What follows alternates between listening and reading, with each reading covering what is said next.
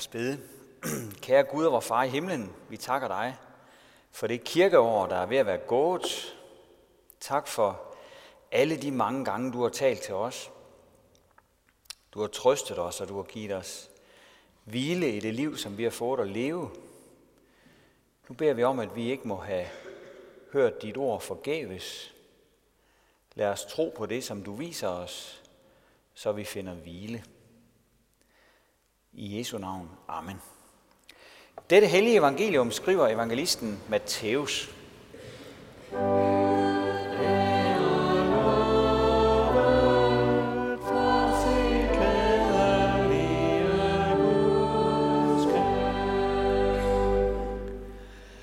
På den tid tog Jesus til ord og sagde, Jeg priser dig, far, himlens og jordens herre, fordi du har skjult dette for vise og forstandige, og åbenbart det for umyndige.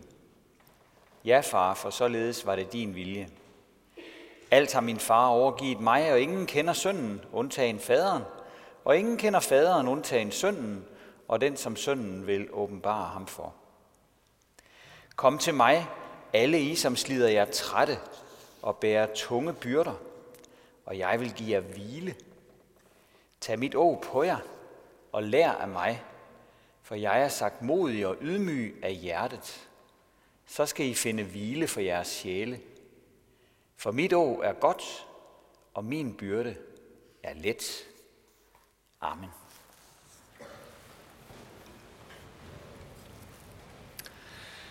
Så er kirkeåret ellers ved at nå til vejs ende.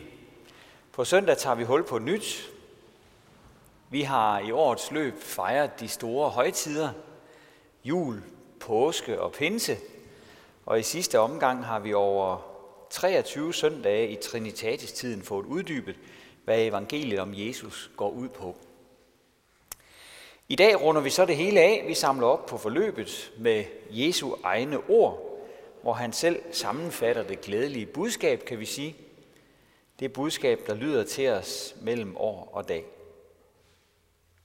Først kommer han med et udbrud, et jubelråb, og bagefter kommer han med en opfordring eller en invitation. På skærmen i dag har vi en lille dame, der netop har fået sin fine eksamen i hus. Hvis du også stusser over hendes unge alder, så er der en forklaring. Billedet er nemlig fra USA. Øh, de kære amerikanere de får så mange sjove idéer, og en af de sidste nye er at lave dimissionsfest for børnene, når de er færdige i børnehaven. Så får man et fint eksamensbevis på, at man har gennemført børnehaven, og et mørtelbræt på hovedet og det hele.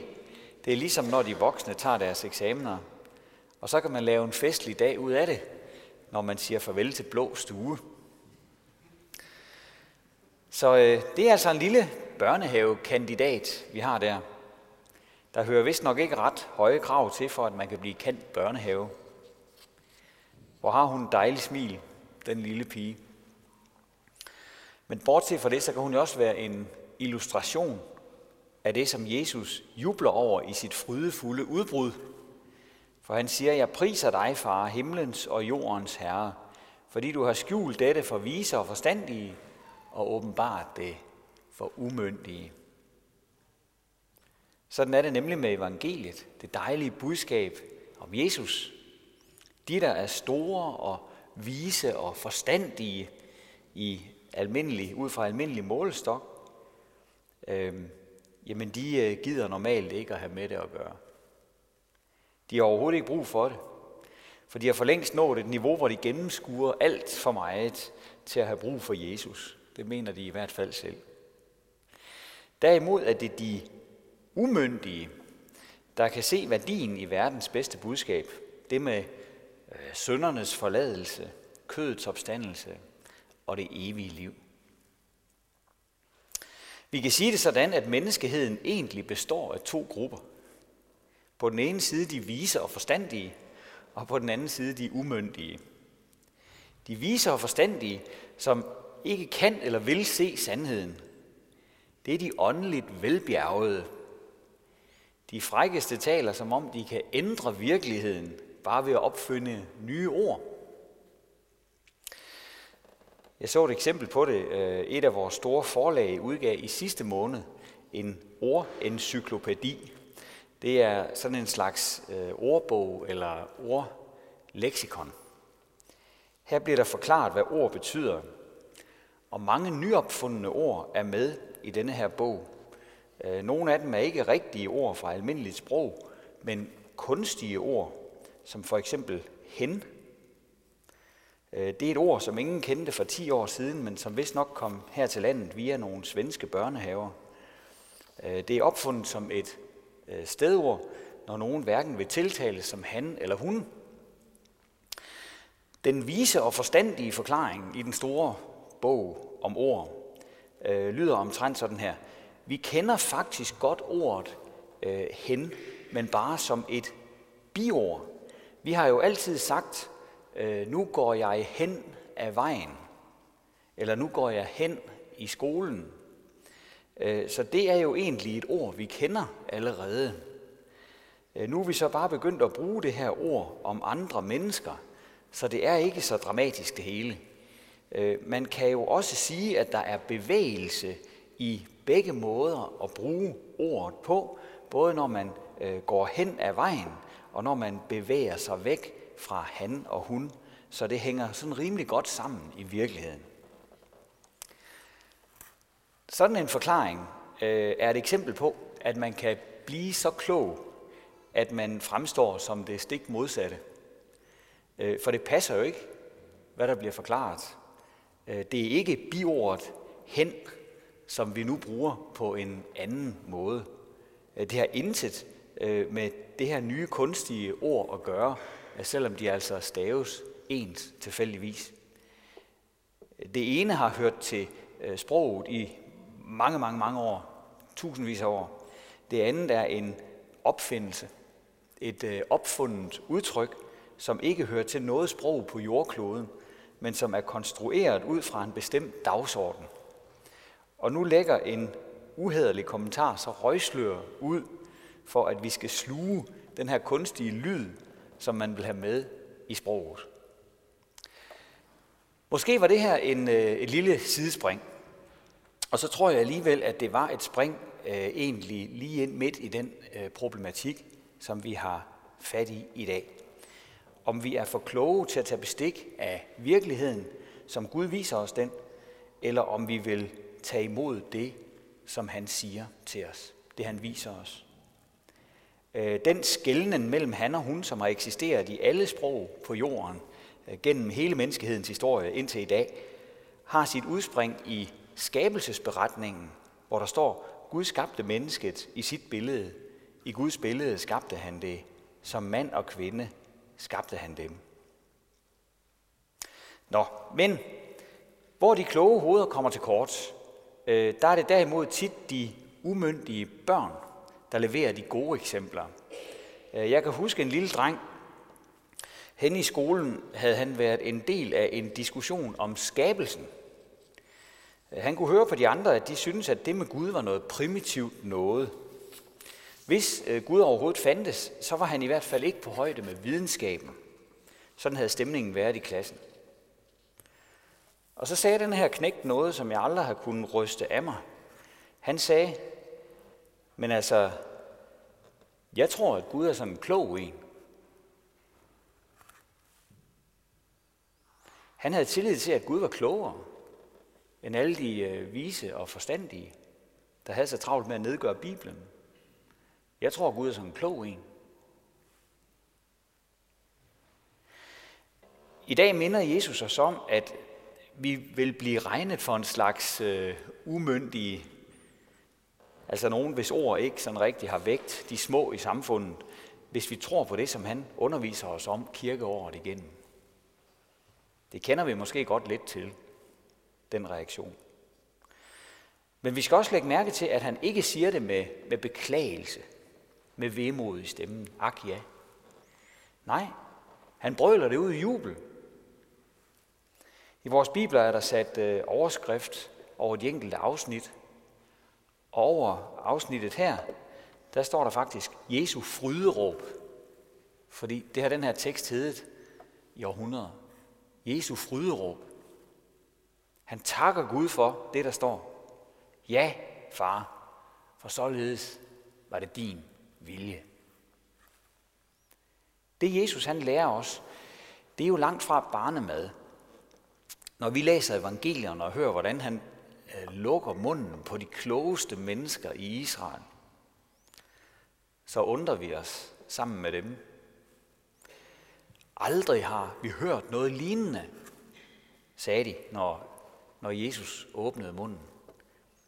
Eller skarne var slået af forundring over hans lære, for han underviste dem som en, der har myndighed, og ikke som deres skriftkloge. Eller ingen kunne svare ham ord. Og fra den dag turde heller ingen længere at spørge ham om noget. Selv de klogeste, selv de klogeste stod på tær for at forstå Jesus. Og mange gange var det, som om det ikke hjalp noget alligevel. Alt imens han jublede over, at de små, dem man ikke regnede for noget, de umyndige, de kunne godt tage imod det. De, der troede ham, var nemlig ikke nødvendigvis de øh, særligt bogligt stærke, eller dem med flest ressourcer. Nej, der skulle noget andet til. Jesus han jubler jo. Du har skjult dette for de vise og forstandige, og åbenbart det for umyndige. Åbenbart det. Åbenbart. Åbenbaring, det er et stort ord. Det er et meget stort ord. Det betyder at tage sløret af noget, at afsløre noget. Hvis en ny statue skal indvise over i parken, øh, så står den nok først og er dækket til, og så kommer øh, borgmesteren og holder en tale. Og når han er færdig med den, så trækker han i en snor. Og så bliver det, der dækker statuen, det bliver hævet væk. Så nu kan man simpelthen se den. Og det er præcis, hvad øh, ordet åbenbaring betyder. At noget, der har været dækket til, det bliver afsløret, det bliver vist frem. Når det gælder troen på Gud, så kan vi ikke nøjes med borgmesteren. Her har vi brug for, at Gud i egen person griber ind i vores liv. Der er nemlig ingen andre end Gud selv, der kan vise os, at vi har brug for Jesus. Det er ham, der må vise os det. Og det gør han ved at give os sin helligånd. Helligånden er Gud, der rykker ind i vores liv i dåben, for at rykke i snoren, så vi kan se Jesus på den rigtige måde. Helligånden afslører for os, at Jesus er vores eneste håb. At han er vejen, sandheden, livet. Og at vi slet ikke kan finde Gud udenom Jesus. Det er det, der er sket med et kristent menneske. Gud har åbenbart, afsløret for os, at vi har brug for Jesus, og at det er ham, der giver os hvile. Det er det, som anden del af dagens evangelium handler om. Jesus har først jublet over, at det ikke er op til menneskers egen tankekraft, om man kan komme til tro på ham. Kun Gud kan give det. Og så fortsætter han med at sige, Kom til mig, alle I, som slider jer trætte og bærer tunge byrder, og jeg vil give jer hvile. Tag mit å på jer og lær af mig. Og mit å er godt, og min byrde er let. Nede langs øh, vejene i øh, Indien, der var der førhen noget, der hed byrdebærere. En byrdebærer, det var, det var sådan to store, massive sten, der stod med et lille mellemrum imellem, så man kunne gå ind imellem dem. De stod der for bærernes skyld.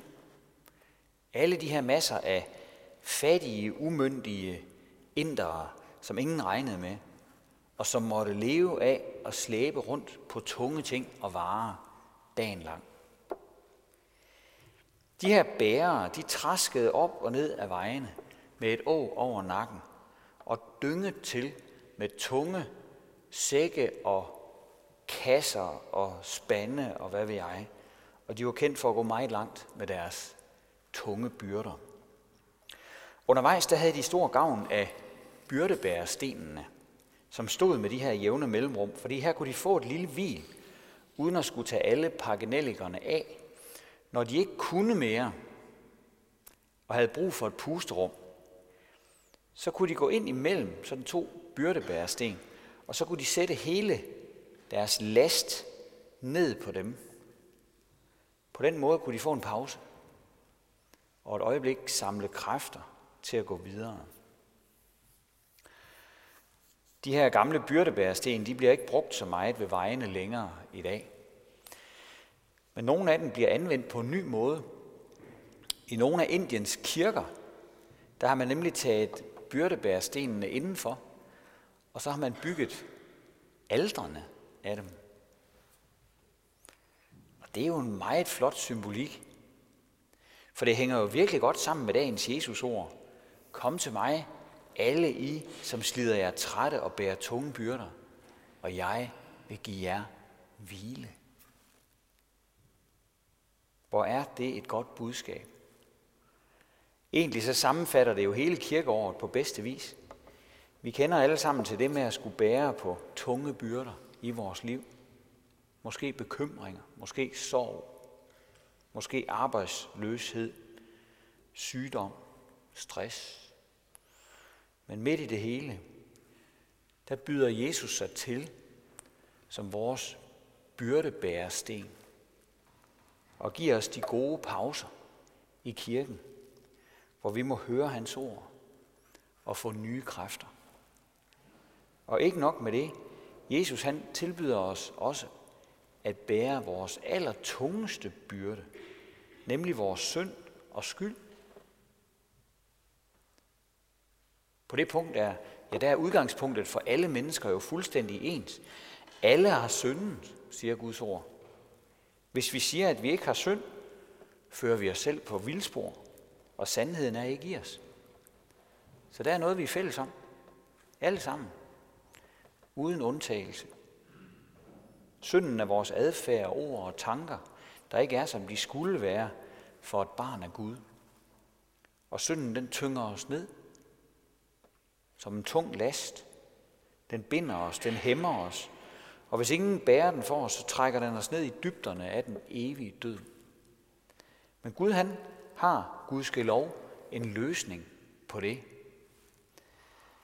Pris himlens og jordens herre, ligesom Jesus gør. For der er en udvej. Han vil være byrdebærer for os. Jesus han er Guds lam, som bærer verdens synd for Herren lod al vores skyld ramme ham. Tænk på det, når du går op til vores lokale byrdebærer alder i dag, når der er aldergang. Her indbyder han alle umyndige til at komme og hvile hos sig. Ja, kast din byrde på Herren, så vil han sørge for dig. Ære være faderen og sønnen og helligånden, som det var i begyndelsen, så også nu og altid og i al evighed. Amen. Og lad os rejse os og med apostlen tilønske hinanden, hvor Herres Jesu Kristi nåde, Guds, vor Fars kærlighed og Helligåndens fællesskab være med os alle. Amen.